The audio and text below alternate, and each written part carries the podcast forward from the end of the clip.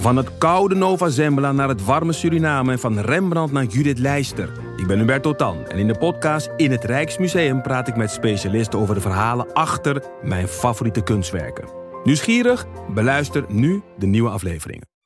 Op een dag ontdekte ik Villa Betty, het grootste en het duurste huis van Amsterdam. Ik had het jarenlang over het hoofd gezien, maar mijn buurman Kees niet. Hij ziet hoe zijn buurvrouw Betty op haar honderdste uit de villa wordt gezet. En al haar spullen op een openbare veiling worden verkocht. Wie heeft haar dit aangedaan? Ik ben Floor Doppen en in mijn podcast Villa Betty ga ik op zoek naar Betty's erfenis. Luister nu in je favoriete podcast-app.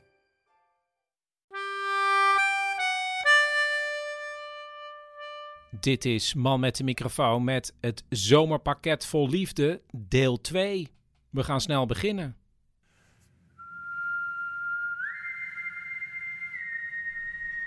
Dit is Mini-Romcom.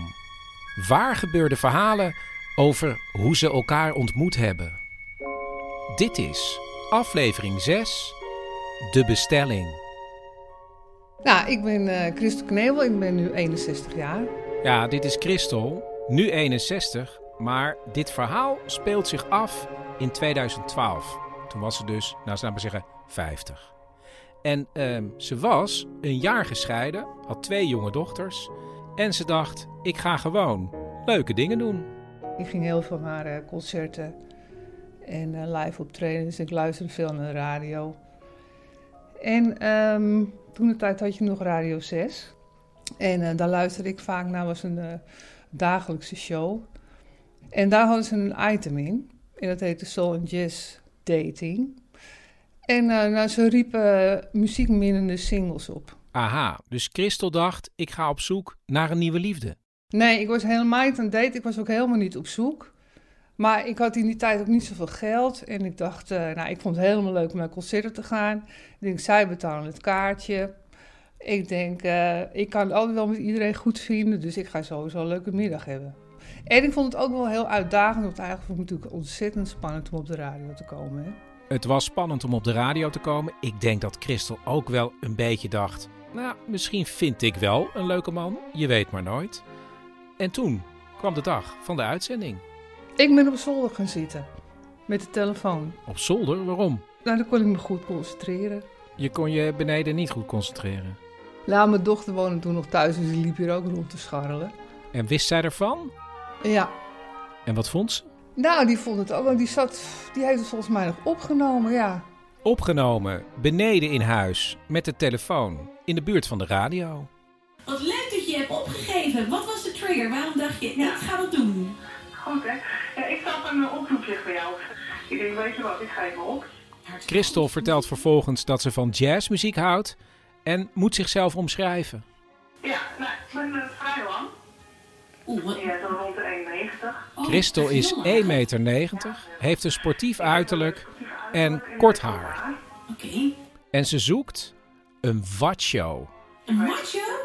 Een watcho, ja. Dat is een combinatie van een watje en een macho. Nog nooit van gehoord van deze term. Wat is dat, een macho? Een watshow is een macho, een stoere man met ook zijn zachte vrouwelijke kanten.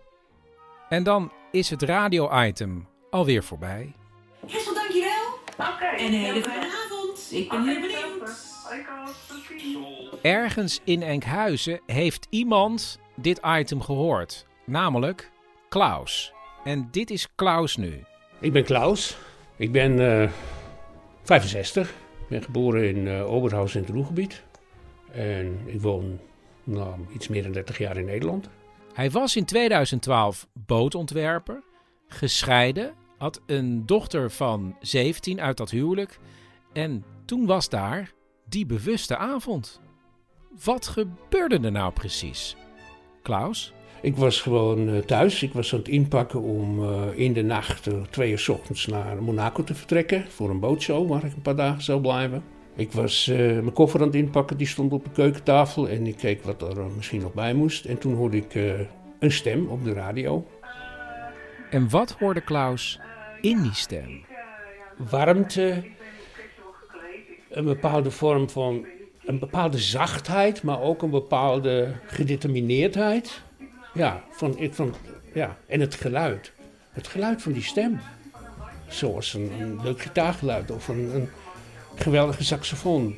Waar je dan echt, hoef je niet veel meer te weten wat hij speelt. Maakt niet uit, maar je hoort hem spelen en dat is goed genoeg. Zo was het een beetje.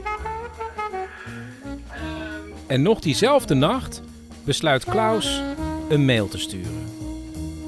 Wat heb ik vanavond voor een leuke stem gehoord en bedankt voor al die leuke muziek die jullie altijd draaien. Een paar dagen later wordt Christel gebeld.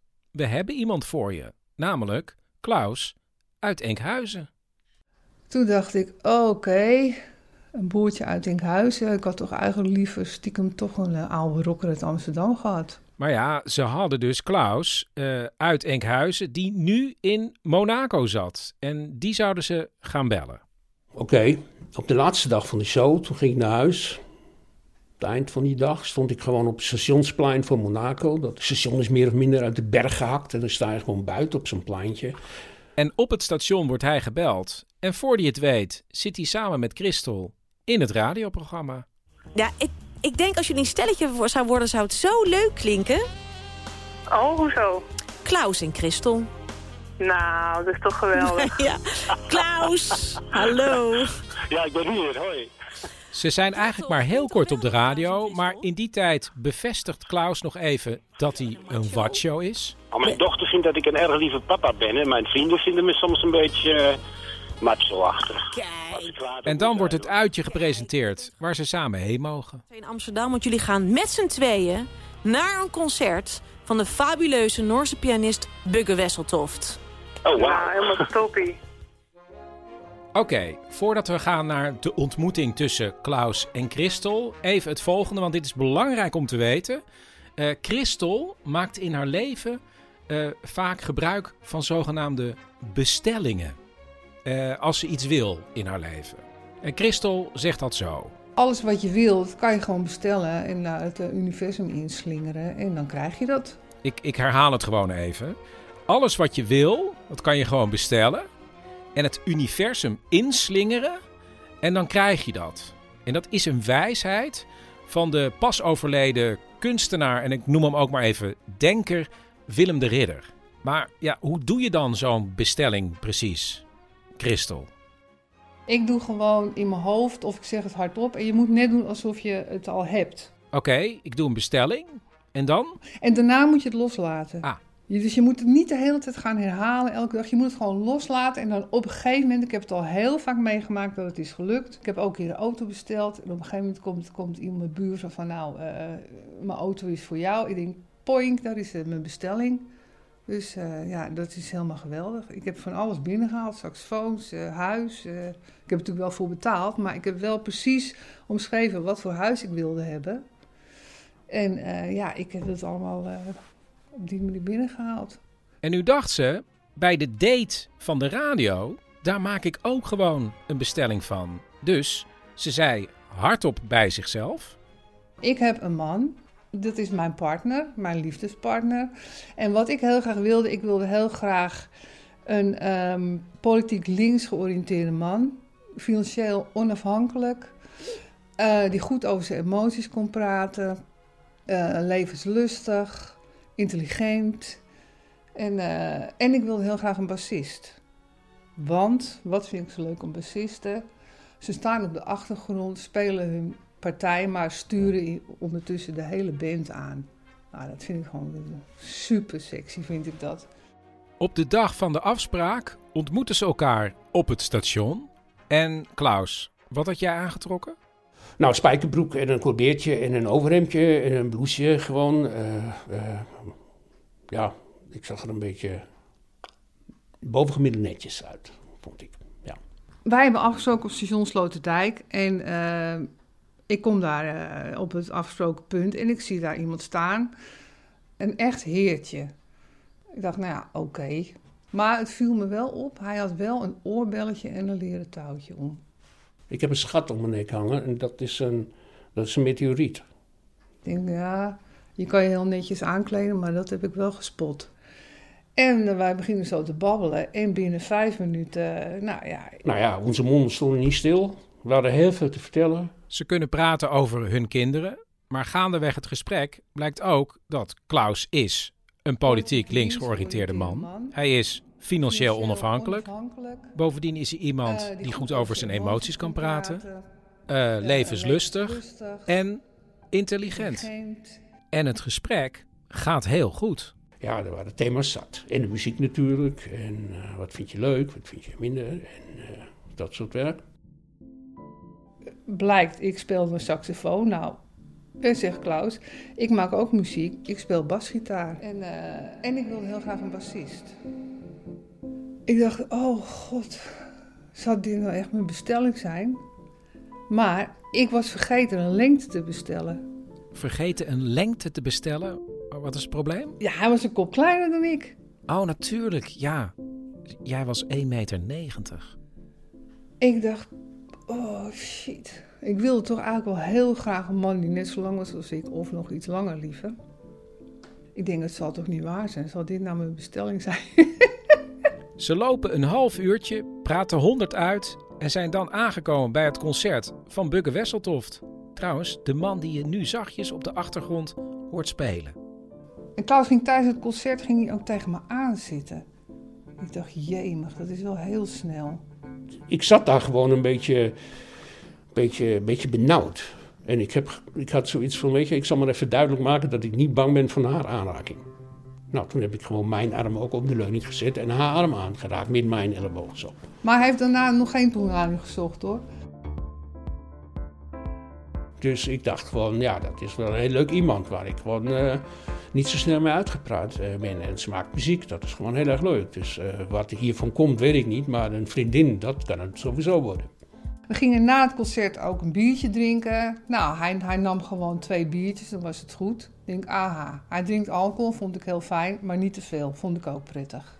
Na de geslaagde avond maken ze vrij snel een nieuwe afspraak en dan ontmoeten ze elkaar op het strand bij Velsen Noord. We gingen lopen op de pier. Nou, het was een beetje, het was leuk weer, een beetje hemel met, met eh, wolken en, en een beetje regen. Een beetje wind, dan weer een beetje zon. En ehm, het begon te regenen en er kwam een regenboog. Ja, dat vond ik wel, eh, dat vond ik wel heel bijzonder. En daar waar wij liepen, die regenboog kwam naast ons in het water. Ik dacht, ja, weet je, ik kan er nog tegen vechten, maar dit is echt al zo totaal voorbestemd. Maar er was nog steeds een innerlijke eh, discussie in mezelf. Ik dacht, ja, ik, ik keek naast me, die man die kwam tot schouderhoogte. Ik dacht, hé, wat gebeurt hier nou? Heb ik hier nog iets over te zeggen of ga ik helemaal met boter en suiker erin? Na de wandeling gaan ze iets eten bij de strandtent. En ja, Christel, We waren de laatste die weggingen. Hij bracht me naar huis en hij wilde graag aan mij laten merken dat hij me leuk vond. Dus hij greep mij vast. Maar ja, zoals je begrijpt, hij greep mij vast en ik gaf hem een zoen. Maar dat was boven op zijn hoofd, want ja, hij was natuurlijk kleiner dan ik. Ik wilde hem wel even vastpakken, maar dat zat er niet in. En ik vluchtte naar binnen, want ik dacht, oh, ik, ik eh, was helemaal in de war. kreeg ik een mailtje, midden in de nacht eh, kwam het mailtje dat ze helemaal in de war was. En ik heb op dat mailtje geantwoord. En, eh, dat ik ook een beetje in de war was, maar dat ik eigenlijk niet zo in de war was. Want ja, ik dacht, ik vind het wel erg leuk met je. En zo. En toen ben ik naar Enkhuizen gegaan die woensdag. En hij zei van ja, ik wil wel eerst eh, even, wil ik je proeven, had Klaus eh, geschreven. Dus eh, ik kwam uit de trein de auto in. En toen zijn we gaan zoenen. En het proefde goed. In die week ben ik helemaal omgegaan. Want ik wist gewoon al dat ik verliefd was op hem. Ja, en dat hij dan een kop kleiner was, ja, dat was dan maar zo. Het was gewoon, eh, eigenlijk tot op de dag van vandaag kunnen we er gewoon niet over uit eh, wat er is gebeurd en hoe blij we zijn met elkaar. 23 september was het tien jaar geleden dat we elkaar voor het eerst zagen. En ehm, Ik heb het zelfs zo ver gedreven dat ik, eh, haar vader om toestemming heeft gevraagd. En die, haar vader heeft gezegd, moet je zelf weten. toen zijn we ook getrouwd. Aan het strand van Velsen Noord.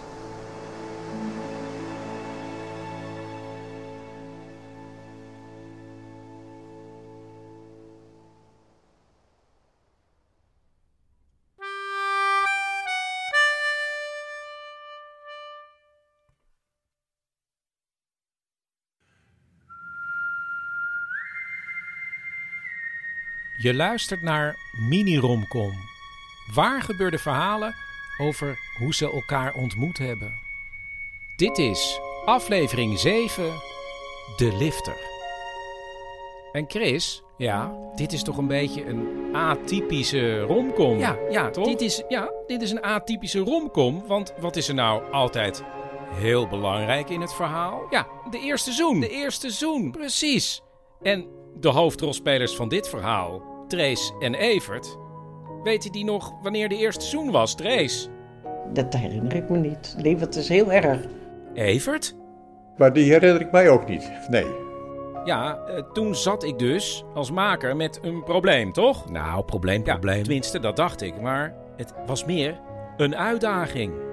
Want binnen het genre mini-romcom bleek er nog een apart subgenre te zijn. Namelijk de nouvelle vague mini-romcom. Want dit verhaal speelt zich ook af in die rare jaren 60. Ja, en dat betekent niet alleen dat dit verhaal in zwart-wit is, maar dat het ook zijn eigen nouvelle vaak soundtrack heeft. En die klinkt zo.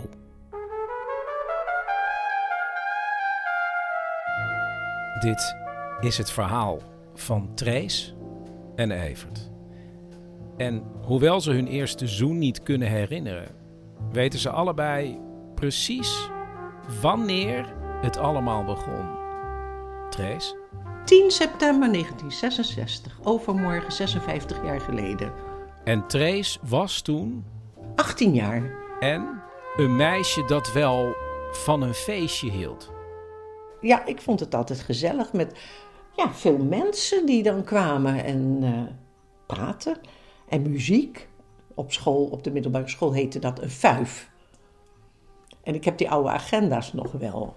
En dan zie je dus inderdaad, huiswerk, dat deed ik niet zo erg aan. Maar dan wel op zaterdagavond, of was het eigenlijk altijd vuif. Trace had de middelbare school in Nijmegen afgerond en deed nu een opleiding in de verpleging in Den Haag. Ik had uh, twee vriendinnen in, dat, in die opleiding, Erika en Letty. En wij wilden naar ons ouderlijk huis. Dat kostte 12 gulden en wij verdienden 60 gulden in een hele maand. Dus wij hadden het idee opgevat om met z'n drieën te gaan liften. We wisten dat het niet mocht, maar dat was helemaal niet erg. Er was wel eens een keer over gesproken dat het gevaarlijk kon zijn in onze ouderlijke huizen. Maar dat deden we dus toch. En we zijn gaan staan vlakbij de rotonde in Voorburg.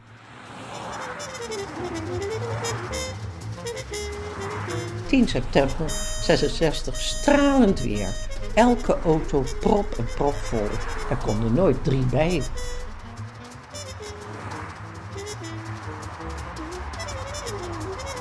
Uiteindelijk stopte er een meneer.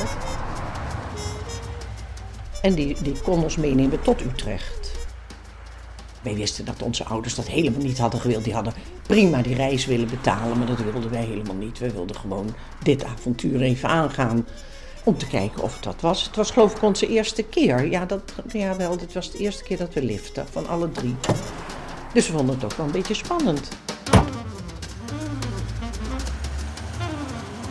De auto rijdt weg en de bestuurder kijkt in zijn spiegeltje naar achter en zegt... Jullie zitten hier wel op eigen risico, hè, dames? Ja, meneer. We vonden het al een zeurpiet en een beetje een stijve hark en een soort kruidenier. De vriendinnen van Trace moeten allebei naar Utrecht. En uiteindelijk moest ik naar Nijmegen. Mijn ouders woonden in Nijmegen. De bestuurder zegt nog een keer dat ze op eigen risico in de auto zitten. En terwijl hij dat zegt, ziet Trace buiten langs de kant van de weg een andere lifter, een man met een bordje Arnhem. En dan zegt ze tegen haar vriendinnen: Hé, hey, kijk eens, met die man had ik mee moeten liften. Echt een man? Ik dacht dat hij een stuk ouder was. Ja, in een pak.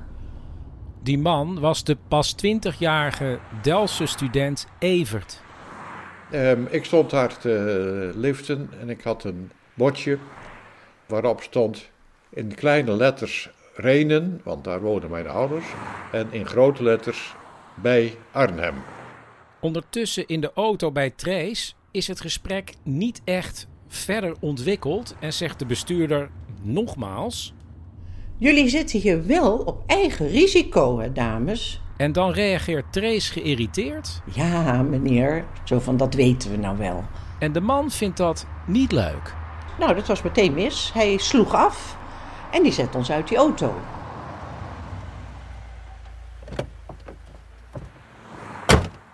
We stonden perplex daar beneden aan en dachten: hoe komen we hier weg?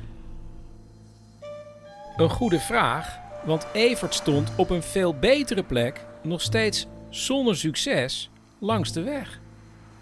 En op een gegeven moment stopte er iemand en zei: Je kunt meerijden tot Gouda. Nou ja, dan maar naar Gouda. Dan, uh, dan ben ik in ieder geval een eindje op weg.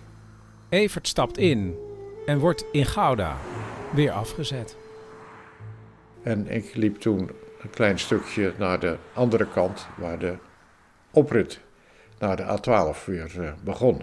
Dus mijn twee vriendinnen zeiden: Hé, hey, kijk nou toch. Nou, daar heb je hem. Nou, dan zien we elkaar na het weekend weer, hè? Jij gaat zeker met hem verder. Nou ja, ik durfde dat niet, maar ik dacht, ja, ik ga me toch niet laten kennen. Dus met lood in mijn schoenen ben ik dus die oprit opgelopen. En even later komt er een blond meisje naar mij toe lopen, met lange benen, en vroeg heel bedeesd, mag ik met u meeliften, meneer?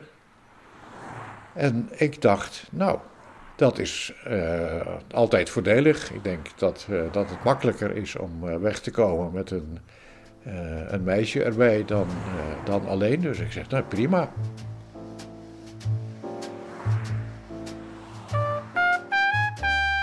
We kwamen ook niet weg met z'n tweeën. Dus we zijn maar in het gras gaan zitten. En we hebben wat uitgewisseld. Evert vertelt dat hij binnenkort lid wordt van het bestuur van zijn studentenvereniging. En dat ze een tweedaags gala organiseren. En hij vroeg dus op een gegeven moment gewoon van... Uh, heb jij zin om mee te gaan? Vind je dat leuk? Ja, dat vond ik eigenlijk wel leuk. Ja. Na een tijdje staan ze op, gaan weer liften... en worden meegenomen door een auto waarin twee mannen zitten. En Trace en Evert zitten op de achterbank. En ja, dan verrast Evert Trace eigenlijk een beetje.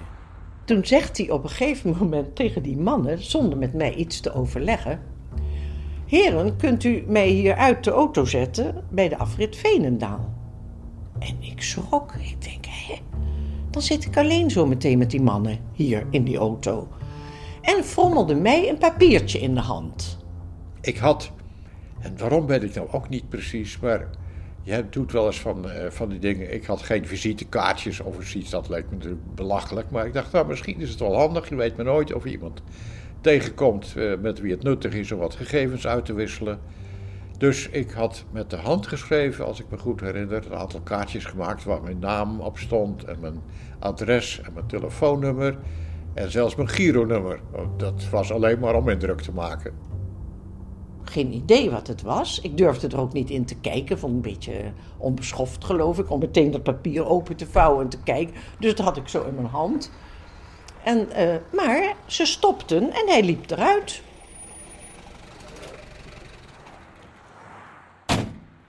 Ja, wie laat er nou iemand van 18 jaar daar alleen in die auto zitten? Dat was nou helemaal niet de opzet van mijn liftavontuur. Eerst met z'n drieën, dan met z'n tweeën en, en dan dit. Onhandig, hè? Onhandig gedrag. Later dacht ik wel eens, dat is Delft. Ja, sociaal een beetje onhandig. Gelukkig wordt Trace door de twee heren keurig afgezet bij station Arnhem. Ik heb uitgebreid het papiertje bekeken. En er stond zijn naam en adres en ook zijn adres in Delft. En uh, waar ik op afknapte was, onderaan stond een Giro-nummer. Nou, dat vond ik zo vreselijk. Een Giro-nummer.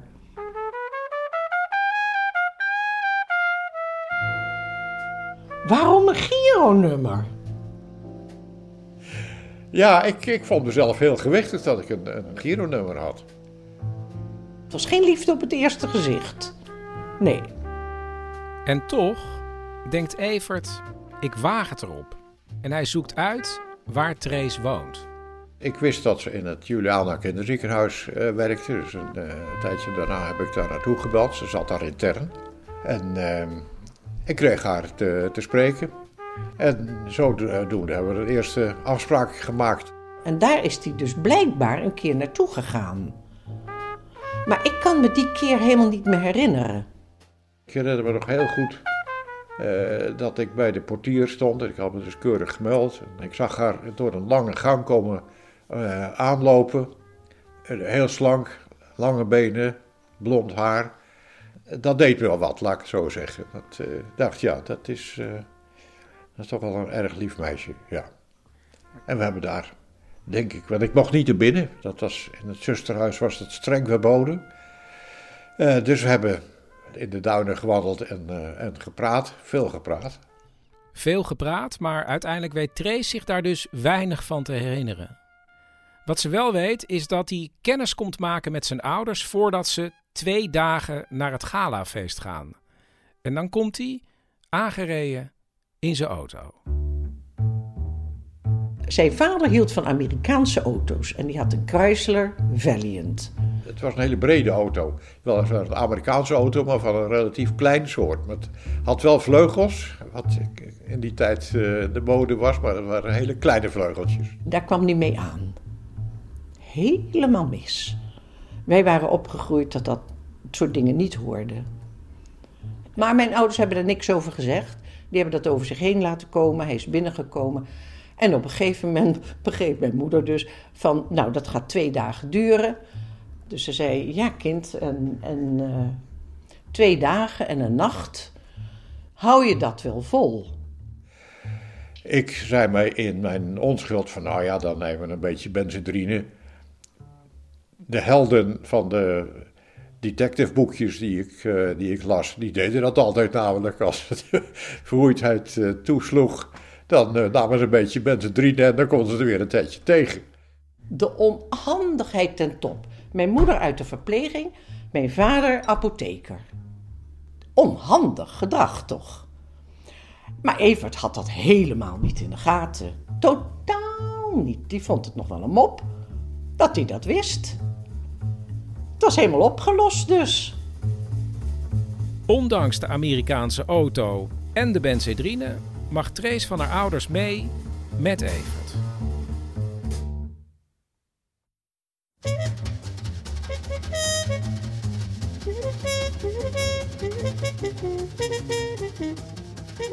Het feest begon in een kasteeltje in Wassenaar.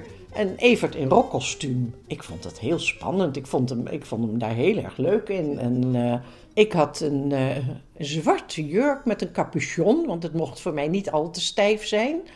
Met honderdduizend knoopjes zo. En uh, lange handschoenen, want dat hoorde erbij volgens mijn moeder. Maar ze had niet verteld of ik die nou tijdens het eten aan moest houden of uit moest doen. Dat herinner ik me nog heel goed, dat ik dacht, nou moet ik toch eens even kijken hoe iedereen dat doet. Maar bijna niemand had die lange handschoenen. Dus uiteindelijk heb ik ze maar uitgedaan, want dat werkte helemaal niet met die handschoenen.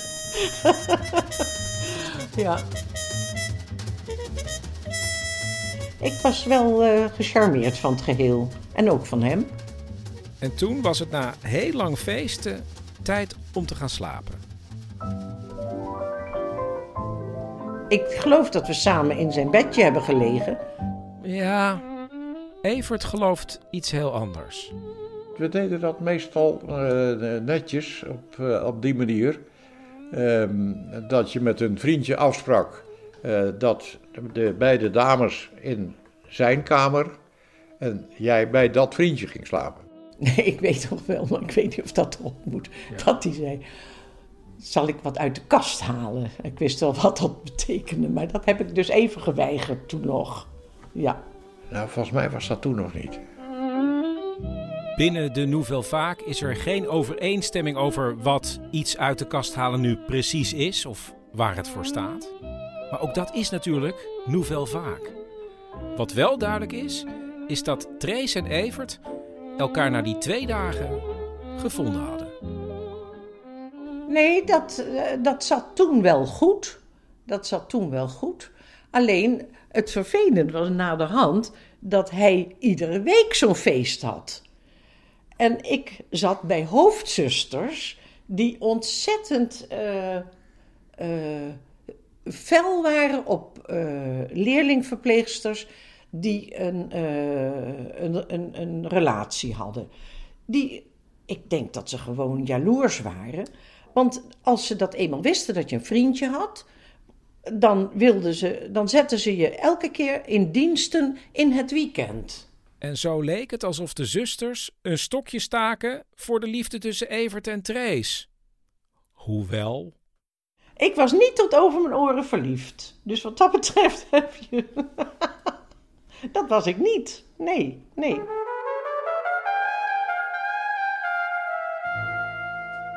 de relatie als ik kon, dan was het gewoon, zat het goed. Dan was het gezellig, dan was het leuk, dan was het uh, prima. Maar ik dacht ook helemaal niet aan een leven lang met iemand verder. Dat had ik ook nooit van mezelf gedacht hoor. Nee, dat, dat duurde nog wel eventjes. Ik, nee, ik, ik wilde eerst maar eens even kijken wat het leven was van met een heleboel mensen leren kennen ook. Ja, toch wel. Trace en Evert hadden een relatie als ze elkaar zagen. Maar na twee jaar ongeveer kwam daar een eind aan en hebben ze elkaar een jaar lang niet gezien. Toen had ik een vriend die woonde op een woonboot aan de Snoekjesgracht in Amsterdam. En dat wist Evert, want die was gaan kijken. Ik zag het toen inderdaad bij een of andere snuiter in een vrij grote auto stappen. En toen zong mij de moed wel een beetje in de schoenen. Ja, ik denk, nou, dit is, uh, dit is definitief uh, weg. Over en uit, ja. En dat was een heel leuk jaar. En die wilde zich verloven na dat jaar. Toen dacht ik, ja, maar Evert. Trace wilde helemaal niet die jongen van de snoekjesgracht. Trace besefte zich, ik wil Evert. Die belde ik op een avond dat hij er nooit is. En dat was op donderdagavond, had hij Dionysosavond. En uh, eens in het jaar is dat een keer niet. Dat was die avond.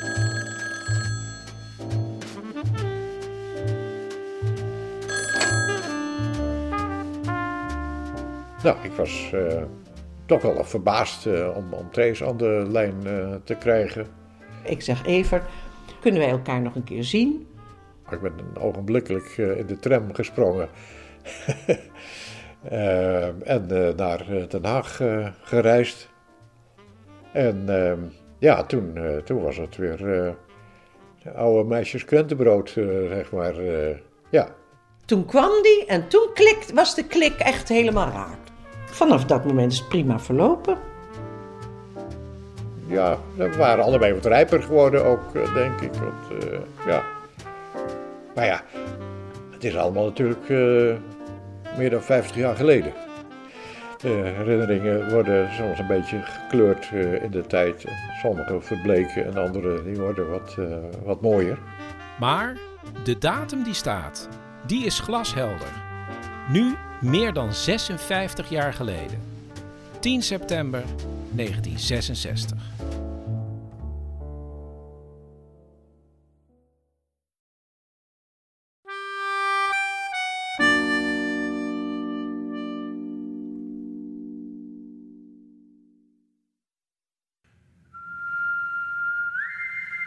Je luistert naar Mini-Romcom. Waar gebeurde verhalen over hoe ze elkaar ontmoet hebben. Dit is aflevering 8 Ponykamp.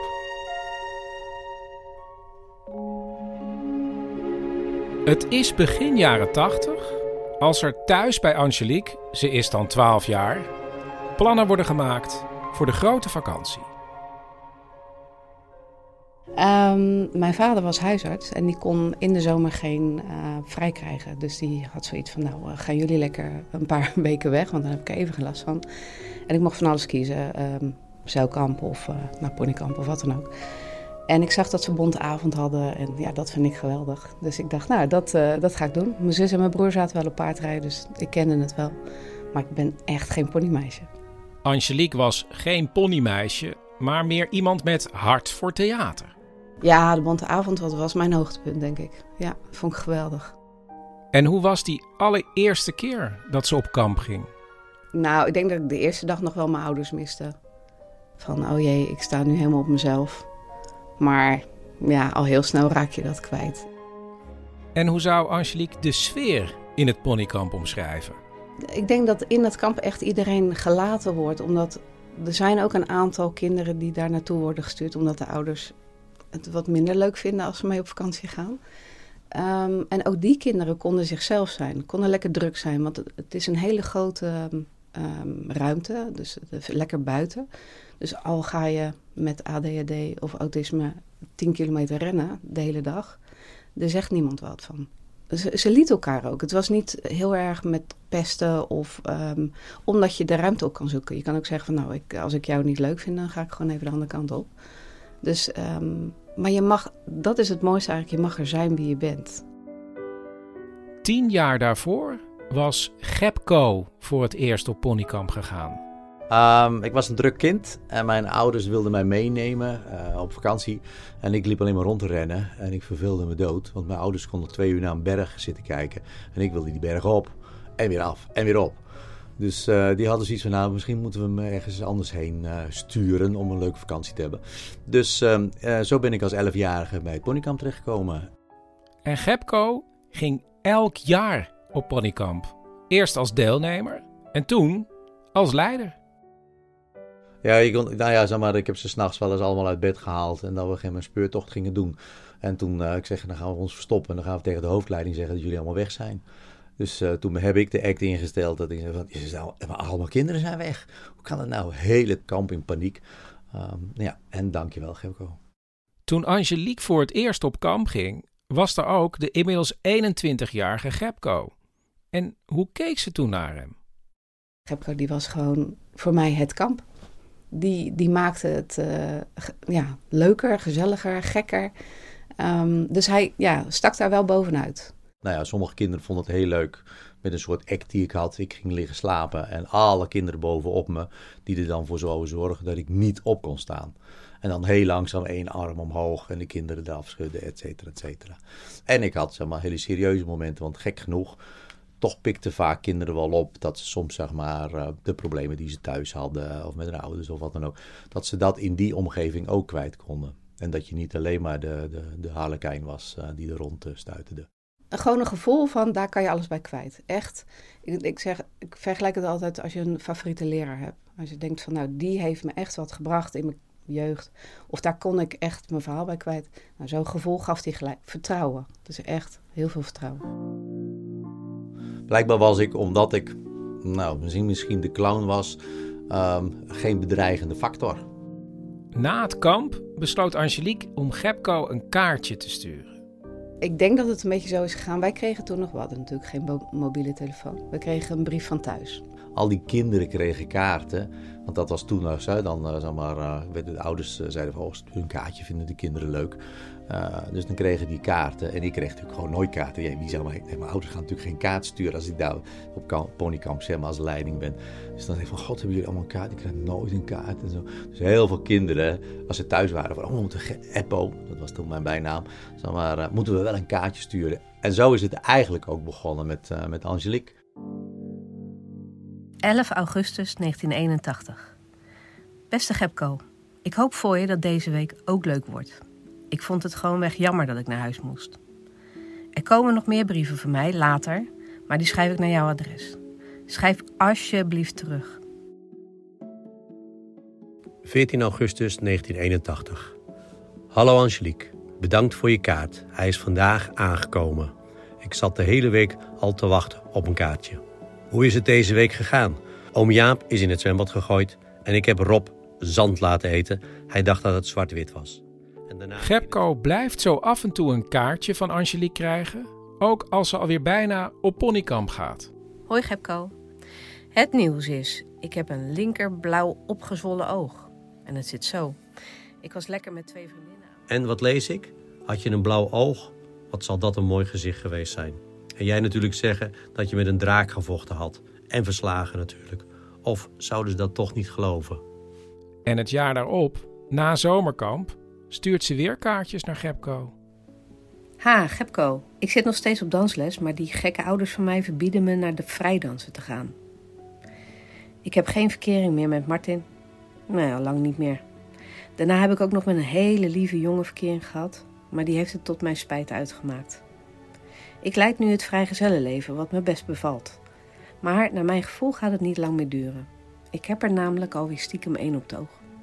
En terwijl Angelique over haar puberproblemen schrijft, verhuist Gepko naar Antwerpen, waar hij diergeneeskunde gaat studeren en waar hij een vriendin krijgt. Ah, die Angelique. Allereerst een heel gelukkig en plezierig 1983. Zo, nu zal ik eerst je brief beantwoorden. Ja, het gaat goed met mijn Belgische vriendin en ik heb inderdaad een leuke Sinterklaas gehad. En op de volgende vraag of ik van de groep Doe maar hou. Ik vind de muziek prachtig die ze maken. Als je wil weten hoe het met mijn liefdesleven zit, ik wil je wel wat vertellen. Nou ja, het ging eind december uit en ik lig nu nog te huilen. Als ik hem nu zie, doet hij heel rottig tegen me. En dan wil ik eigenlijk ter plekke neervallen en huilen. Op school gaat alles maar matig en voor Duits sta ik heel slecht. En na twee jaar heeft Gepko een eigen huis gevonden waar hij gaat samenwonen. Ik ben nu steeds bezig met verven, behangen, etc.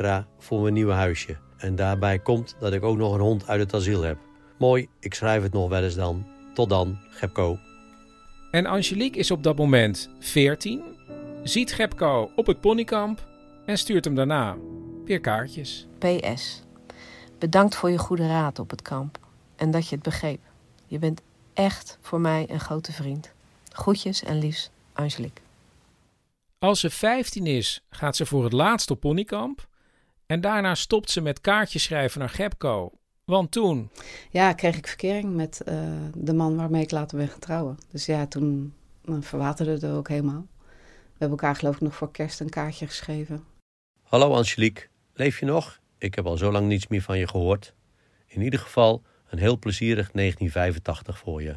Van mijn vriendin en mij, Gepko. Groetjes. Oh ja, en de hond Bokkie. Na haar laatste ponykamp belandt Angelique al heel snel in het volwassen leven. Ja, ik, nou ja, als 15-jarige kwam ik in een gezin van mijn ex-man terecht. Hij was de jongste van negen. Um, hij zelf was 19 op dat moment, maar ja, door de vele broers en zussen, waar hij met de oudste volgens mij 20 jaar mee scheelt. Dus die hadden ook al kinderen. Um, ja, dat is zo'n verschil. Je komt echt in een, in een heel wat ouder gezin terecht. Die heel serieus zijn met um, ja, het leven van verloven, een huis kopen, gaan samen, nou, samenwonen. Wij zeiden van oké, we dan gaan samenwonen of trouwen. Nou ja, we hebben nu het geld, laat maar gelijk gaan trouwen. En het voelde ook op dat moment heel goed. Hè? Ik was echt verliefd, heel erg verliefd. Heel veel gouden van mijn ex. Um, maar gaandeweg ja, raak je jezelf kwijt en, en ga je allebei een andere kant op. En dat kregen we ook niet meer bij elkaar. Nee. Ondertussen is Gepko al jarenlang dierenarts, maar ook zijn relatie gaat niet goed. Um, uh, mijn huwelijk, uh, getrouwd, uh, twee kinderen. Mijn vrouw heeft een auto-ongeluk gekregen. Um, en heeft daar zeg maar een post-Whiplash-syndroom van opgelopen. Uh, nou goed, eigenlijk ben ik een andere vrouw heb ik teruggekregen na het ongeluk als waar ik mee getrouwd ben. Uh, dat was eigenlijk zeg maar uh, nou, dusdanig belemmerend op een gegeven moment dat we besloten om uit elkaar te gaan. Binnen de stukgelopen relatie van Angelique is er een belangrijk moment. Want Angelique zoekt altijd naar iets met theater. En dan blijkt dat ze werkt bij de gemeente. Ze kan meedoen aan een groot theaterproject. En dat doet ze een jaar lang. En dan merkt ze dat haar man daar helemaal niets mee heeft. En haar dus ook niet ja, daarin kan ondersteunen. Achteraf zeiden de kinderen: jullie hebben eigenlijk allebei een heel ander karakter. En dat heeft elkaar niet versterkt, maar elkaar afgebrand. En dan is het 2019. Angelique is net gescheiden en het ponykamp bestaat 50 jaar. En voor een reunie gaat Gepko op zoek naar oud-deelnemers. We hebben boeken en toestanden teruggekeken van welke namen kennen we nog. Maar ja, heel veel meisjes, leidsters en, en kinderen raak je kwijt omdat die de naam van hun man aannemen. Ik had net mijn naam gewijzigd, van mijn getrouwde naam weer naar mijn meisjesnaam. En ik kreeg een uitnodiging van het ponykamp En die zeiden van, nou joh, jij bent op het ponykamp geweest. Eh, heb je ook zin om te komen? En het bericht was ondertekend door Gepco. En ik zie die naam en je krijgt gelijk weer zo'n flashback naar ja, hoe het toen was. En ook die, dat gevoel van vrijheid.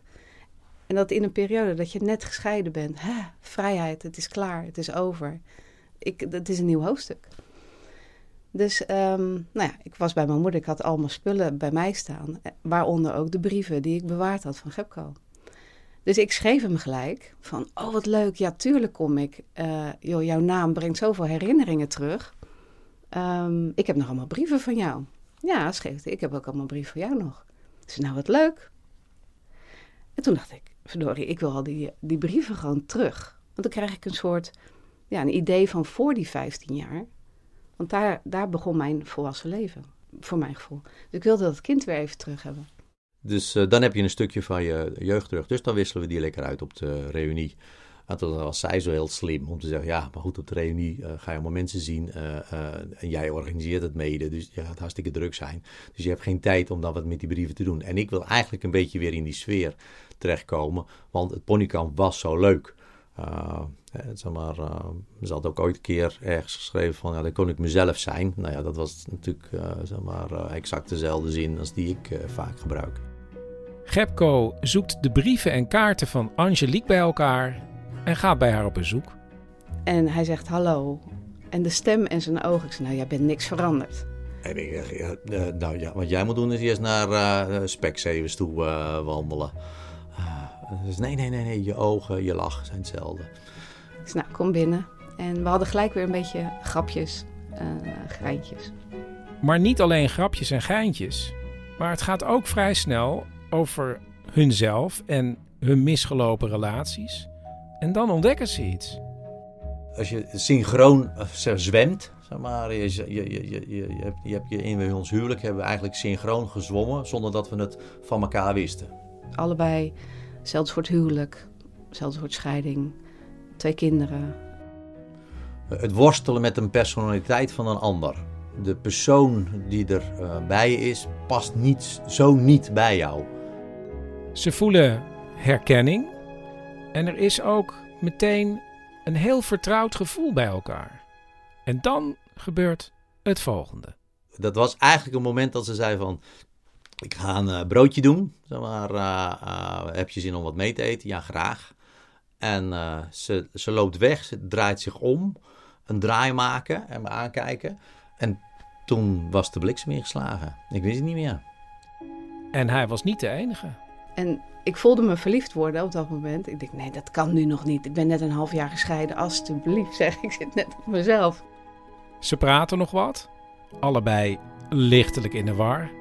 En dan stapt Gepco weer in de auto. Hij naar huis en ik zit naar een lege stoel te kijken. En ik denk, nee, niet nu, niet nu al. Maar ik wist gewoon, ja, dit is de man waarmee ik oud wil worden. Dit, dit is hem gewoon. Toen zijn we ehm, gaan schrijven. Op de manier niet in brieven, maar via uh, Messenger. Want we hadden elkaars telefoonnummer nog niet. En toen hebben we over en weer uh, gesproken. Best wel lang, gelijk diezelfde avond volgens mij. En ook de volgende dag. En we bleven eigenlijk maar praten. En uiteindelijk hebben we het telefoonnummer uitgewisseld. Toen gingen we verder op uh, WhatsApp. Zaterdag, zondag. Maandag heb ik al gezegd, heb ik, al, ik denk dat ik uh, gevoelens voor je heb. Nou ja. Op een gegeven moment, puur met tekst, had ik zoiets van: ja, jongens, we zitten gewoon hier de boel op te blazen. Dit is gewoon één grote luchtbel die we, die we opblazen. Uh, die moeten we gewoon doorprikken, want ja, ik moet gewoon weten waar ik aan toe ben. Dus, uh, dus toen uh, woensdagavond zei ik van, ik kom langs met een knuffel. Maar dan was ik wel weer zo slim om natuurlijk een knuffel mee te nemen, zo'n plusje beest. Dan ik denk van, ja, als het verkeerd geïnterpreteerd wordt, heb ik toch nog een uitvlucht. Ze spreken af, ze belanden op de bank en de zoen? Zij moest echt, zeg maar, uh, het, het initiatief nemen. Ja, ik denk dat ik overal het initiatief heb genomen, want ik heb was heel erg voorzichtig. En wat dacht Gepco toen Angelique inzette voor een zoen? Ik ga er niet over nadenken, zeg maar, want dan gaat het helemaal fout. En daardoor ging het goed. Vanaf toen uh, hadden we een soort van verkering. En sindsdien is hun beider leven, net als bij het ponykamp, leuker, gezelliger en gekker geworden. Want ja, het leven is natuurlijk heel serieus. Maar het is ook wel fijn als je de lichtheid en speelsheid weet op te zoeken. En dus wandelen ze met z'n tweeën bijvoorbeeld een kiltwandeling in Schotland. En ze zijn natuurlijk uiteindelijk getrouwd op... Op Ponykamp. Op het ponykamp. Even samen? Op Ponykamp. Ja, er was maar één plek mogelijk. En ook de hele bruiloft, het hele entourage was puur, op de Ponykamp-methode. Ik nog eh, netjes in wit, maar iedereen met een touch of red. Dus in rode kleding, een heel gek feest. Met geweldige band en kampvuur achteraf. Echt helemaal op zijn ponykamps.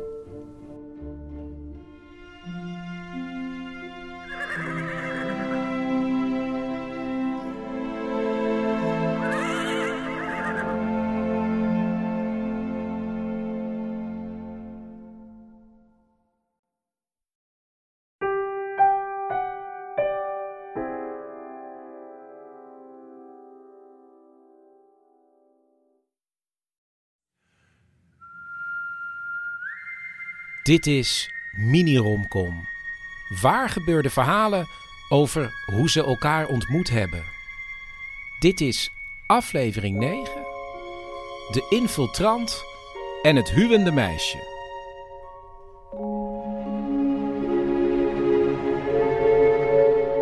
We gaan terug naar de jaren 80 en maken allereerst kennis met actievoerder Ad.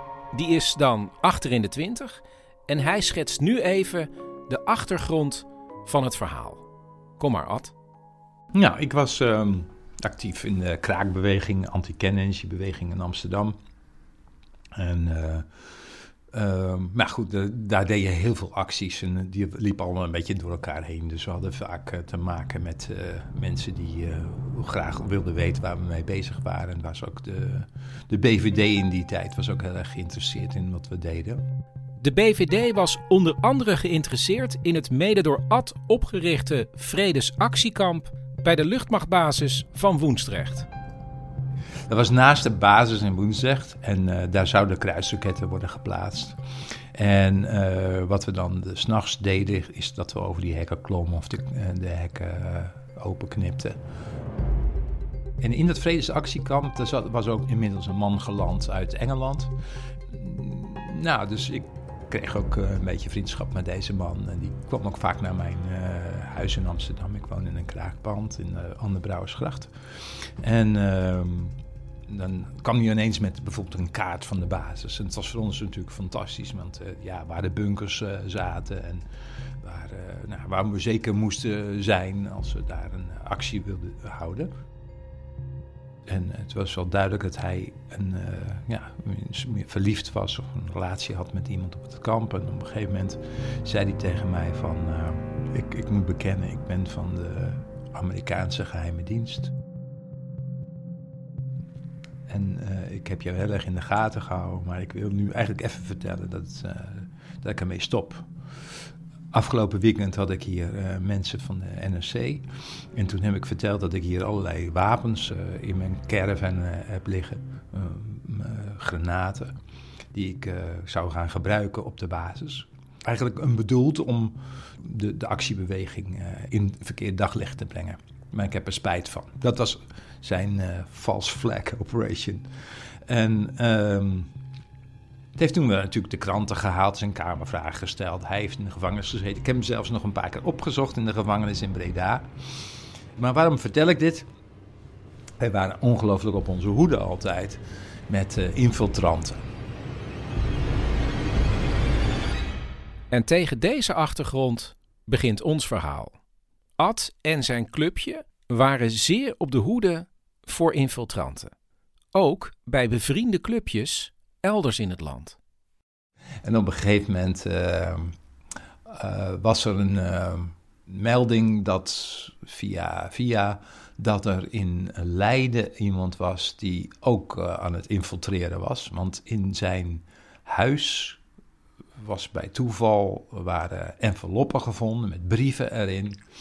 En deze jongen die had ehm, contact met iemand van de geheime dienst, dat stond in die brieven. En die was geïnfiltreerd in de IRA. En op dit punt komt onze andere hoofdpersoon het verhaal binnen. Er waren brieven gevonden en, er, en het was ook iemand uit, zijdelings uit mijn uh, vriendenclub. Misschien is het handig als ze zichzelf even voorstelt. Ik ben Nicole, ik uh, was destijds 21 jaar. En waar was ze mee bezig? Ja, met allerlei ja, zeg maar sociaal bewogen activiteiten. Dus ik kraakte natuurlijk en ik zat in de Nicaragua-beweging, anti-apartheidsbeweging. Ja, allerlei maatschappelijk bewogen activiteiten. En die activiteiten vonden plaats in Wageningen, waar Nicole woonde. Maar er was dus in Leiden iemand die zij kende van vroeger. En die had wellicht via brieven contact met een geheim agent. Ja, of was er zelf een. Hè? Dus dat was, dat was natuurlijk de kwestie. Dat gaf in ieder geval zoveel aanleiding wat erin stond... om je er wel een beetje zorgen over te maken. Wat, hoe moeten we dit nou duiden? En, uh, en om maar omdat we dat ook niet precies wisten... en ook niet goed wisten hoe je dat moest aanpakken... En ik zat in een groepje in Amsterdam waar we iets meer ervaring hadden. Dat was eigenlijk een beetje de reden waarom we met dat Amsterdamse clubje contact uh, zochten we hebben besloten om die brieven aan hun te geven, omdat zij ze zouden kunnen bestuderen. En af, afhankelijk van daarvan zouden we kijken hoe we verder zouden gaan. De brieven zijn voor de Amsterdammers reden genoeg om verder in de materie te duiken. En dan is de vraag: hoe gaan we deze man, als die ook echt ons uh, zeg maar, aan het uithoren is, hè, dat, ze, dat hij geïnfiltreerd is in de beweging, hoe kunnen we hem er dan weer uitzetten? En wat voor informatie heeft hij? Kan hij ons ook informatie vertellen van zijn contactpersoon? Hoe, wat weet hij? Wat doet hij? En uh, kunnen we daar ook een verhaal van maken naar de buitenwereld? Op een dag komen vier Amsterdamse en vier Wageningse actievoerders bij elkaar en de mogelijke infiltrant. Ja, die, die is opgehaald met een auto. Ja, we namen hem min of meer mee in een, uh, in, uh, een kraakpand. Ja, ja, je zou nu zeggen, het is een soort van, van een ontvoering. Ja, ik weet niet of het uh, zo heftig was, maar ja, eigenlijk komt, komt het daar een beetje op neer. Ja, met wel wat meer vrijwilligheid om gewoon uh, met zo een vriendelijk verzoek van we willen je wat uitvoeriger spreken. We hebben hem zeker niet vastgebonden, dat weet ik wel. Ja, en daarna is, is er ja, uh, in Amsterdam wel, ja, het heeft volgens mij wel, is er wel een negen uur met die jongen gesproken. We hebben hem, ja, min of meer ondervraagd. En hoe gingen die negen uur nou precies? We zaten gewoon uh, ja, een beetje te chillen. En, uh, en de beurt, dan uh, was je aan de beurt. En dan mocht je ook ja, dan, een stukje van, de, van het verhoor doen. En die negen uur gaven zowel Ad als Nicole de tijd om elkaar eens goed te bekijken. Ik vond haar direct een heel aantrekkelijke uh, vrouw. En ze was, ik vond haar stoer omdat ze ook zo met die acties bezig was. Ja, hij had echt van die kistjes. Dus hij zag er wel uh, stoer uit. En, en, een leren jas en uh, een donkere broek. En oh ja, zijn haar omhoog. ja, hij leek een beetje op Henny Vrienden. Eigenlijk droeg ze in die tijd al heel vaak een bruine broek. En kwam haar strakke lijf kwam daar heel goed in uh, tot uitdrukking. En dus ik, had gelijk, ik was gelijk verliefd op haar. Maar goed, ik, ik, was ook wel, ik vond het ook wel heel spannend om... Wij deden we allemaal heel stoer over acties en, en infiltratie, geheime diensten en zo. Maar ik vond het ook wel heel moeilijk om Nicole aan te spreken. Ik weet dat we pizza hebben gehaald. En uh, dat ik uh, een stuk uh, dat had voorgeschoten. En dat we dat moesten verrekenen met elkaar. En ik dacht van, verrek, volgens mij heeft niet iedereen zijn deel betaald. En dat Ad tegen me zei van, je moet wel voor jezelf opkomen hoor. Als niet iedereen betaalt, dan moet je dat wel zeggen. Ik weet niet eens of dat dan heeft geleid tot ander betaalgedrag van andere mensen. Maar ik weet wel dat we dat tegen elkaar hebben. Nou, weinig romantisch eigenlijk, maar dat is wel, uh, dat is die dag uh, gezegd. Maar hij, ja, ik, ik, ik geloof niet dat ik nou, uh, ik was niet dat, verliefd of zo. Of wat een leuke jongen. Of, dat, dat had ik eigenlijk niet. Voordat we horen hoe Ad alsnog het hart van Nicole probeert te veroveren, is het ook wel goed om even te weten hoe het is afgelopen met de eventuele infiltrant. Ad? Nou, hij ontkende eigenlijk uh, vooral. Nicole? Volgens mij zijn we er niet heel veel wijzer van geworden. We hebben die jongen ook daarna weer uh, netjes uh, thuis gebracht, dat weet ik ook nog. Oké, nou dan kunnen we ons eigenlijk volledig richten op Ad en Nicole. Hoe zat het eigenlijk met Ad en uh, relaties? Oh, ik had uh, lange tijd samengewoond. Dat was niet helemaal goed gegaan meer. Um, ja, ik had best wel veel verschillende relaties gehad. Ja, voor, en, en, er liep ook nog wel een relatie. Uh, maar goed, in, in die tijd, in de kraakbeweging, dan had je verschillende vrienden. Want ja, alles moest tegen de burgerlijkheid in niemand was bezit. Dus het was gewoon allemaal vrij. En dat betekent dat je dus ook verschillende relaties door elkaar kon laten lopen. Maakt niet uit. Ja, iedereen deed met iedereen in die tijd. In die kraakpanden. Ja, maar Ad was wel verliefd geworden op Nicole. En hij vroeg zich toch af: wat moet ik dan? Wat, wat is nou de betekenis van dat ik deze dame ben tegengekomen? Is dat iets? Of... En ik was in die tijd nog wel ook een beetje van, uh, van het ja, van uh, de I Ching. De I Ching, dat is een Chinees oud orakelboek. En ik weet niet precies hoe het werkt, maar je kan muntjes gooien. En aan de hand van wat je gooit, kom je uit op een lemma in het boek. Nou, Ad gooit de muntjes en komt bij het volgende lemma: het huwende meisje. En wat staat daar? Het huwende meisje toont het einde van de maagdelijkheid. Dit hexagram wordt zeer verschillend beoordeeld. In latere tijd gold het als immoreel wanneer een meisje op eigen initiatief trouwde. De goede zede wil dat het meisje de mannelijke toenadering afwacht, zoals dat in de vorige hexagram wordt uiteengezet. Ad zag dit als een duidelijke aanwijzing en besloot Nicole een kaartje te sturen. En wat stond daarop? Dat ik haar heel leuk vond, heel spannend vond. En dat ik uh, ook de I Ching had gegooid en dat, ik, um, dat daar het huwende meisje uit uh, voortkwam. En dat klinkt misschien heel vaag, maar gelukkig sloot Ad af met een vrij concrete vraag. Uh, vind, je, vind je het leuk om bij mij te komen eten? En toen ben ik daarop op ingegaan. Ja, nou, die avond ja, was gewoon uh, gaan met elkaar eten en op de bank en, en, en, kletsen. Maar volgens mij had hij het lot niet willen tarten dat de stilte zou vallen. Dus hij had gewoon wat uh, entertainment voorbereid. Ik had in die tijd, was ik dol op goocheltrucjes. En ik was in de leer bij een goochelaar in Amsterdam. Dus ik dacht, ik zie mijn kans nu om, uh, om haar, te, ja, uh, haar ja, een beetje indruk te maken op het meisje, op het hu huwende meisje. Goocheltrucjes. en dus, dus, die kwamen ook van stal. En dat heeft hij ook. Uh, nou, dan ben ik echt niet op die goocheltrucjes gevallen. Het was gewoon uiteindelijk wel. Uh, ja, dus de vlam sloeg wel over. ik geloof wel dat ze een beetje onder de indruk was. Uh, dus het begon te werken, de magie. En de eerste zoen? Ja, nou, de eerste zoen was op de bank tussen de goocheltrucs door, zeg maar. Ik denk ook dat, we, dat ze bij mij is blijven slapen. Maar um, ik moet eerlijk zeggen dat ik dat dan niet meer heb onthouden of dat inderdaad zo was. Ik ben ook gelijk blijven slapen. Daar is geen gras over gegroeid. Nee. Maar dat is ook misschien wel een beetje jaren tachtig. Dat weet ik eigenlijk niet. Maar in ieder geval uh, ging het bij ons zo. En vanaf dat moment hebben ze iets met elkaar, toch? Het was wel duidelijk dat het een, dat het een serieuze relatie uh, in de dop uh, was in de dop. Want ja, ze woonden ver uit elkaar. Wageningen, Amsterdam. Uh, het waren de jaren tachtig. En Nicole was ook nog heel jong.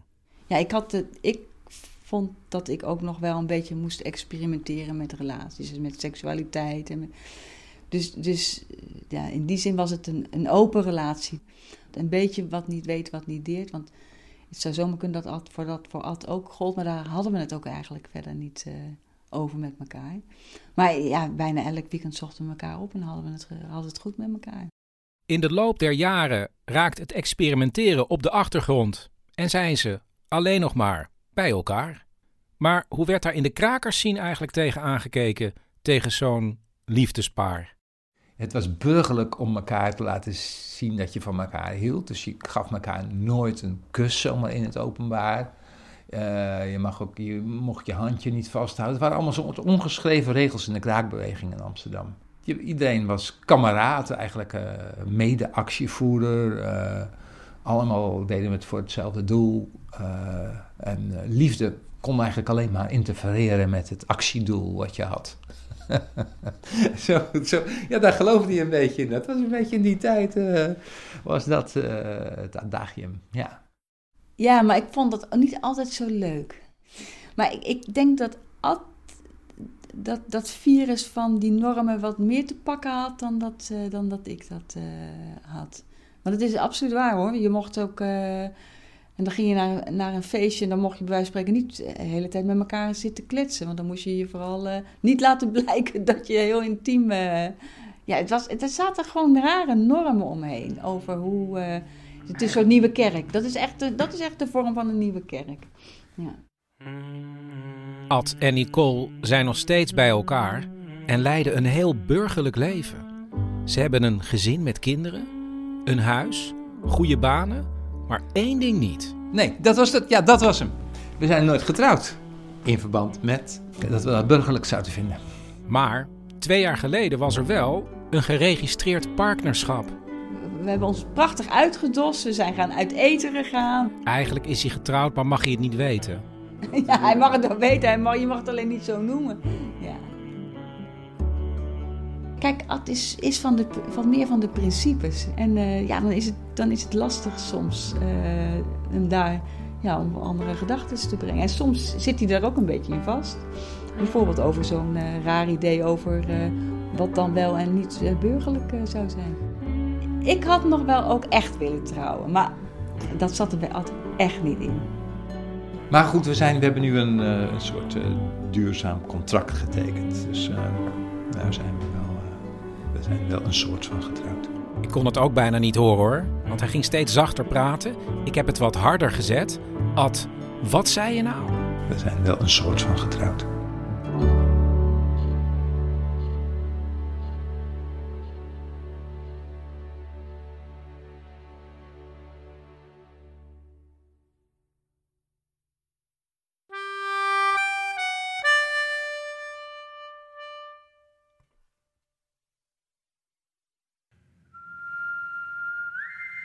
Dit is Mini-Romcom. Waar gebeurde verhalen over hoe ze elkaar ontmoet hebben. Dit is aflevering 10, My Gay Best Friend. En we maken allereerst kennis met Stef. Die was toen 26. En hoe had haar liefdesleven er tot dan toe uitgezien? Ik had vriendjes en dat waren van die hele artistieke, spannende types. Een DJ, eh, nou ja, dat soort, een filosoof, die hoek, die hoek. En in die hoek zat ook nog de gitarist en de vriend met wie ze het laatste relatie had gehad van 2,5 jaar. En dat was iemand met een autoriteitsprobleem. Reed uit principe door rood, want stoplichten waren daar neergezet om mensen dom te maken, om te zorgen dat ze niet meer zelf nadachten of uitkeken. En omdat ik zo braaf ben, vond ik dat heel erg leuk dat hij dat niet was. Maar ik kon het niet echt. Dus ik zat de hele tijd zenuwen te hebben in de auto of als we, uh, we zijn een keer gaan vliegen en dan, nou ja, hij werd gewoon heel vaak op Schiphol eruit gepikt en dan moest hij eerst een belasting betalen en al zijn openstaande boetes. Een spannend type, maar Stef had ook het idee dat er in hun relatie iets niet goed zat. Ik had al een tijd het idee, er is iets aan de hand. Maar hij zei, bezwoer me dat dat niet zo was. En ik dacht, nou als iemand het durft te zeggen, dan is hij het. Maar hij zei niks, totdat hij op een bepaald moment vertelde dat hij iemand anders zwanger had gemaakt. Ik was echt heel ongelukkig toen. En toen is midden jaren 90 en Stef had besloten om zich niet meer vast te leggen. Dus ze koos voor het vrije leven. Nou, toen had ik ondertussen een vriendin. Ja, maar dat was niet heel serieus. Dus ik was eigenlijk aan het scharrelen. Ik had ook nog ergens een man en ik had in ieder geval ook haar. En, en toen was daar het beginpunt van dit verhaal. Het was zomer. En toen, Stef?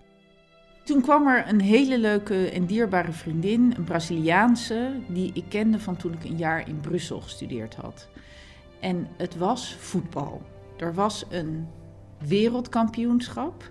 Nederland tegen Brazilië, dan weet jij ook welk jaar. Dat klopt, Stef. Dat was 1994. En wat wilde die Braziliaanse precies? Deze Erika wilde heel graag uh, als Braziliaanse die voetbalwedstrijd zien, maar die dacht, ja, in, in Brussel kan het niemand schelen. Ik wil kijken met mensen die het wel wat kan schelen. En in Nederland uh, kan het ze in ieder geval schelen, al zijn ze van de verkeerde partij. Dus ik ging met haar in uh, een café in Amsterdam die wedstrijd kijken. Zij hield iedere keer de hand voor de mond als Brazilië scoorde, want ze wilde niet dat iemand zou zien dat ze Braziliaans was. Maar zij wonnen. En toen de volgende dag, dus zij bleef slapen, toen wilde ik haar Amsterdam laten zien vanaf het water. Maar niet vanuit zo'n suffe toeristische rondvaartboot. Dus het was zondagochtend. En ik zei: Weet je, we gaan we doen het anders, we gaan liften. Dus wij zijn voor het Anne Frankhuis, heb ik mijn duim opgestoken. Nou, daar kwam een boot aan met drie mannen erop. Drie mannen erop, waaronder, en daar is hij, Mark van 27. En die was uh, ja, aan het werk als ontwerper bij een ontwerpbureau. Uh, had een huis en een leaseauto. En ja, Mark, je was nu ik was aan het varen. Dus het was een zondagochtend, uh, tamelijk mooi weer. Met twee studievrienden uit Delft hadden wij zo'n hele gare oude ijzeren grote tuindersflat. En daarmee voeren we ergens op de gracht gewoon uh, lekker even een paar rondjes varen. Um, om een beetje bij te komen van het verlies van het Nederlands elftal. Precies, hij was aan het varen. Maar belangrijk voor ons verhaal is natuurlijk om even te weten qua achtergrond. Uh, had Mark ooit in het verleden al ja, een serieuze relatie gehad? Nou, eigenlijk is het korte antwoord nee. Um, het is niet zo dat ik niet met meisjes bezig was, maar ik had eigenlijk altijd heel snel het idee: ja, uh, hier ga ik mijn tijd niet aan voldoen. Tot zover de achtergrond van Mark. Maar we stonden dus voor het verhaal langs de gracht met Stef en haar Braziliaanse vriendin. Ik stak mijn duim uit en ze voeren voorbij en toen keerden ze om en uh, toen mochten we aan boord. En aan boord gaat ze ook bij Mark staan, die zit aan het roer. En die was ja, heel aardig. En waren even aan het praten. En hij vertelde dat hij industrieel ontwerper was. Dus ze vertelde me dat zij uh, kunstgeschiedenis uh, studeerde. Zij was net al klaar. Hij was heel geïnteresseerd in mijn studie, kunstgeschiedenis. Vond ik heel leuk, oprecht. En daar was Stef heel verbaasd over. Want iedereen zei altijd... Kunstgeschiedenis? Dat doe je toch als je met pensioen bent. Wat heb je daaraan? Wat een onzin, wat een luxe studie. En dit was voor het eerst dat iemand zei: Oh, wat ontzettend leuk en interessant. En hij was echt heel aardig en hij hield van opera. En... Ik dacht meteen: uh, goh, die is heel leuk. En uh, ik dacht dat hij gay was.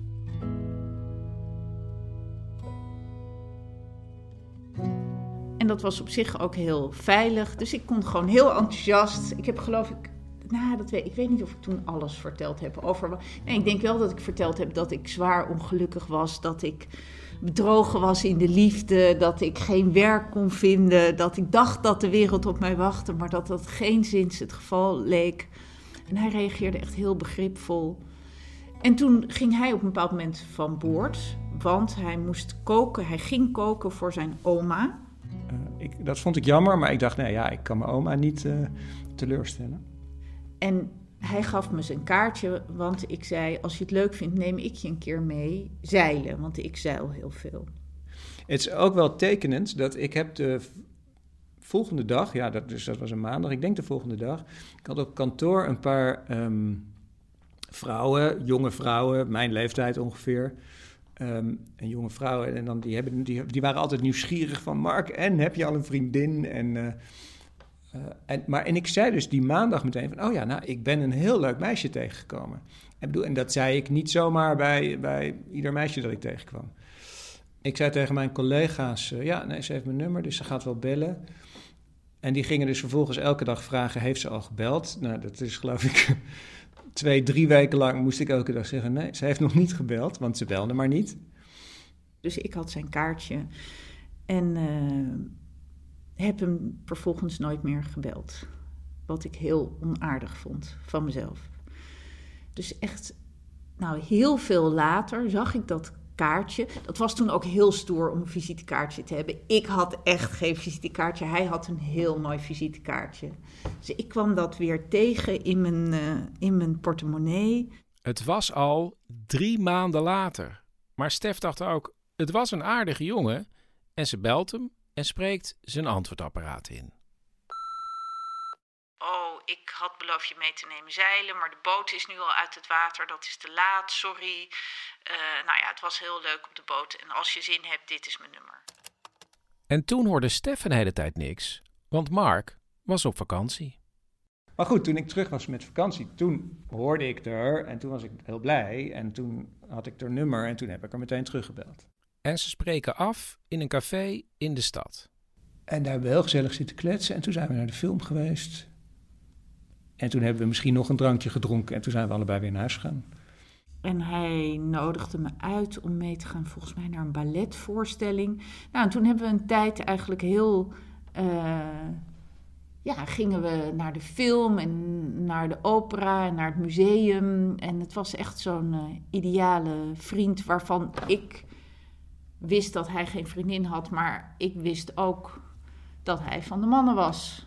Helemaal toen ik een keer bij hem thuis een huis zag en dat was zo mooi ingericht en zo. Nou, echt niet zoals mijn vriendjes tot dan toe, die gewoon in een tyfuszooi woonden. Kan Mark zich eigenlijk voorstellen dat er misschien mensen waren die dachten dat hij gay was?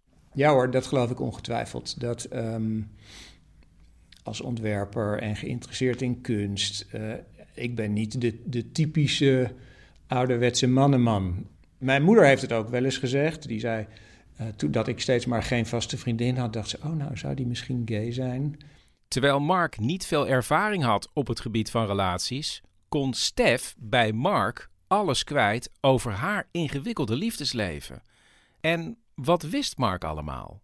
Hij wist wel ook dus dat ik en met een vriendin en met een vriend was. En tussendoor ook nog af en toe iets of iemand. En uh, zoals dat tegenwoordig, nou het was pre-Tinder, maar het leek er uh, wel op. En ik kon hem alles vertellen. Ja, nee, dus dat was misschien eigenlijk wel een ideale tactiek van mij. Of nou, het was geen uitgesproken tactiek, maar achteraf is dat misschien best wel een deel van het succes geweest. Want ze zat, ze zat nog in een relatie en nog een relatie en het was allemaal complex. En dan, als ik dan ook nog eens verliefd daartussendoor kwam, weet ik niet of dat allemaal succesvol was geweest. Terwijl nu was ik een soort van veilig, uh, ja, veilige gay best friend. Ja, maar wat vond de veilige gay best friend eigenlijk van het ingewikkelde liefdesleven van Stef? Nou, ik vond het wel interessant. ik dacht, oh, dit is wel, dit is wel boeiend. Kennelijk was ik op zoek naar, naar iets wat. Um, wat niet al te voor de hand liggend was. En ik vond het ook wel bijzonder dat, ik, dat ze me zo, omdat ze zo open is en um, ja, dat, ik met, dat ik zo deelgenoot werd van, aller, van haar liefdesverdriet en er twijfels over dit en dat. En ja, dus het was best heel complex, en, maar dus wel het echte leven. Mark en Stef bleven maar culturele afspraakjes maken naar een tentoonstelling. En intussen naar de film werd Mark naar een opera verliefder naar het ballet en verliefder. Het moment dat ik echt dacht: oh, dit vind ik heel bijzonder, voor haar wil ik gaan. In elk geval, het moment wat ik het best herinner was dat we samen in de opera zaten. Um, en dat ik mijn. Even nadenken. Volgens mij legde ik mijn hand op haar been. En was dat, voelde ik dat het ontzettend warm was. Dus mijn hand werd heel warm, haar been werd heel warm, alsof die connectie een soort extra waanzinnige energie um, in zich had. En toen wist hij dat hij niet langer kon afwachten, maar in actie moest komen. Volgens mij had ze, was er weer iets met een liefde, en was het, een, was het ingewikkeld en had ik er getroost of ik weet niet wat. En ik, ik denk dat ik zei, ja, maar nu wil ik je eigenlijk heel graag gaan zoenen en bij je blijven slapen. Ik denk dat ik dat gewoon zei.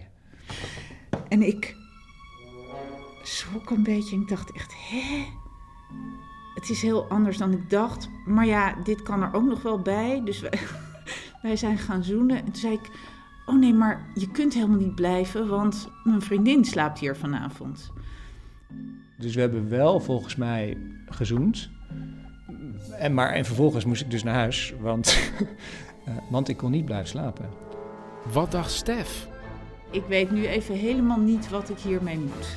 Oké, nou ja, dan was ze dus overrompeld en, uh, maar en vond het dus kennelijk toch heel leuk. Want we hebben wel ter plekke afgesproken dat ze zei, was nog ingewikkeld plannen, een agenda van, oh ja, maar dan kom ik over drie dagen, nou, ik weet niet meer precies, kom ik bij jou uh, slapen. Ik vond het heel leuk. Nou ja, en ik was vooral heel blij dat het zo de goede kant op ging. Stef vond Mark natuurlijk leuk, maar ja... Ja, maar dit is een jongen die bij het koor gezeten heeft. Die heeft alles heel erg op orde. Die heeft een baan en een leaseauto. Dat is echt niks voor mij. Dat is niet. Zo ben ik niet. Ik ben van de, van de mensen die niet weten hoe het leven in elkaar zit. En toch ging Stef drie dagen later naar Mark. Goed, ik ben daar blijven slapen. De volgende ochtend belde zijn moeder.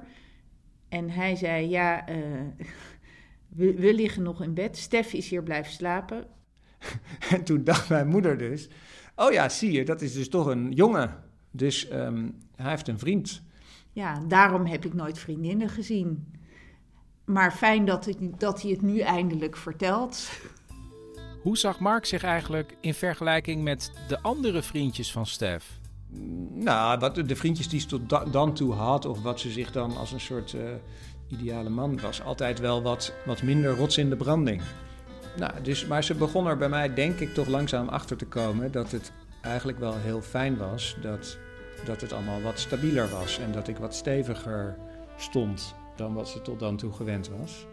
Dus zij begon dat eigenlijk, denk ik, best snel steeds leuker te vinden. Ik ook. Maar ik zei tegen hem: Ja, weet je, ik, uh, ik, ik wil me niet binden. Ik wil even geen relaties. Ik ben, zoals je weet, ben ik heel erg verdrietig en vind ik alles heel erg ingewikkeld. En heb ik ook nog haar en ook nog die man daar. En uh, ik ga geen keuzes maken. Dus uh, als we elkaar zien, is het, vind ik het leuk, maar verder niks. Dus dat ging zo een tijdje door. Ik had dus op, ook nog een, een ander vriendinnetje, niet zo leuk als Stef. Maar die was het, even later, um, in een weekend geloof ik, uh, waren we, was ik met haar naar een concert geweest, waren we nog wat gaan drinken. En toen had ze plots um, de laatste trein gemist, dus die kon niet meer naar huis. Dus die vroeg, oh mag ik bij je blijven slapen? En toen zouden we gaan schaatsen op een ochtend op de Jaap Edebaan.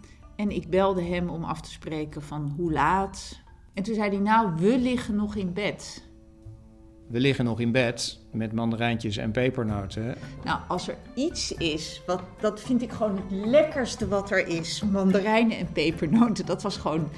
En ik wist wel dat Stef ook Stefs uh, lievelingsdingen waren. Dus dat, dat zij dat, uh, nou ja, dat, ze dat niet, niet leuk zou vinden. Ik dacht, ja, maar dit is wel een goeie. Ik moet er een beetje graag uh, zien te krijgen. Oh, we?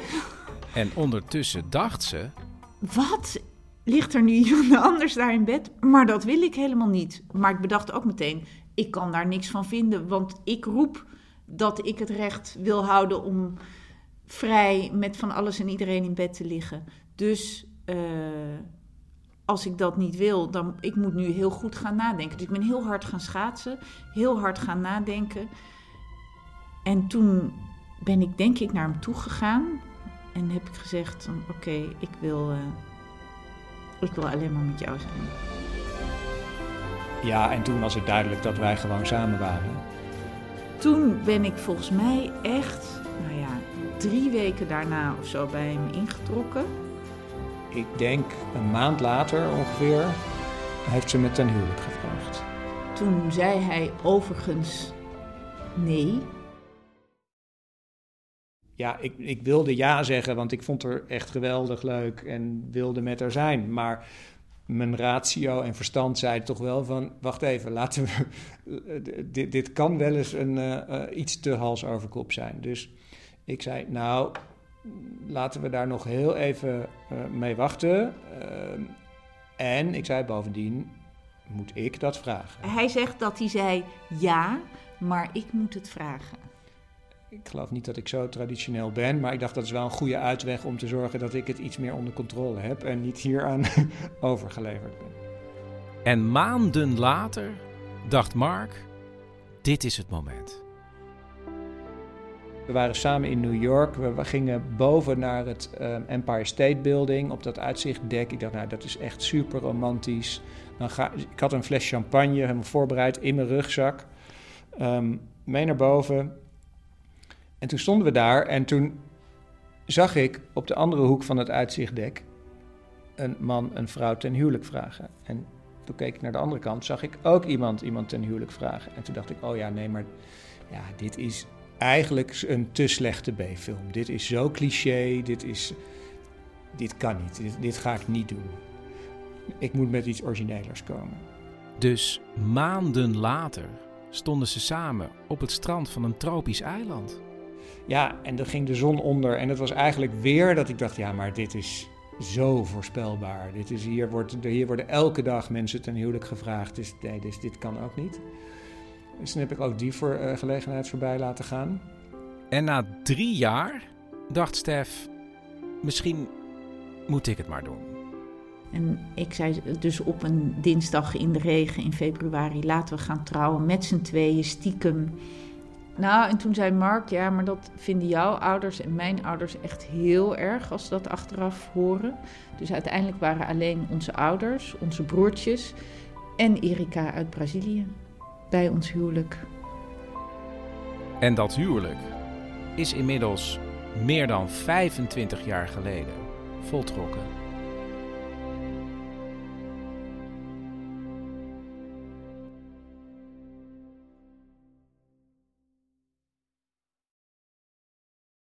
Kom. En mocht je nou nog op de route Soleil zitten of ergens anders, je kan ook gewoon oude afleveringen beluisteren natuurlijk. Van Man met de microfoon. Het programma trouwens wat in de tsunami van kletspodcasts alleen maar kan bestaan met jullie steun. Dus ga naar petjeaf.com, zoek naar Man met de microfoon en je kan ook gewoon een eenmalig bedrag storten. Over twee weken ben ik terug met een aflevering die ik maakte voor een andere podcast. En daarna eind augustus, begin september, dan kom ik met wat ik nu nog noem Project X. Dat is echt iets heel nieuws. Internationaal. Nou ja, tot over twee weken eerst.